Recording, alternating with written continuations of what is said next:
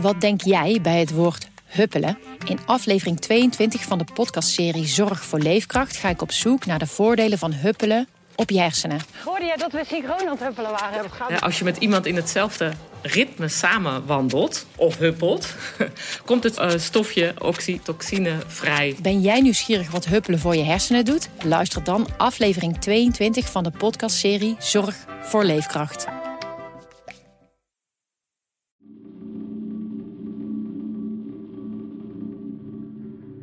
Soms gebeuren er dingen die je je niet kunt voorstellen. Als je daar goed over nadenkt. Of je misschien niet eens wil voorstellen. Daar goed over nadenkt. Want. waanzin. Bijvoorbeeld dat je gestolen bent van je moeder. Verhandelen kinderen, dat is ook niet goed. Ik heb je gevonden, ik sluit je in je armen van je moeder. Ik heb helemaal niks gehoord. Niks. What annoys me is this thing like, it was not my responsibility. Oh, it was not my responsibility. Well, it's everyone's responsibility in a way. When you have Zo, nou, dat is wel een heftig uh, verhaal. Ik ben Petra Vissers, onderzoeksjournalist voor Dagblad Trouw.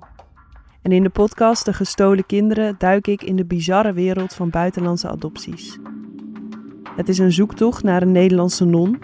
Maar zij is niet op haar kamer. Weet u misschien waar zij is of waar ze zou kunnen zijn? Een Chileense oma. En dat is slecht wat ze heeft gedaan. Godsamme.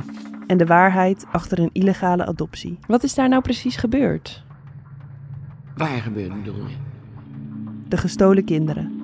Een podcast van Dagblad Trouw.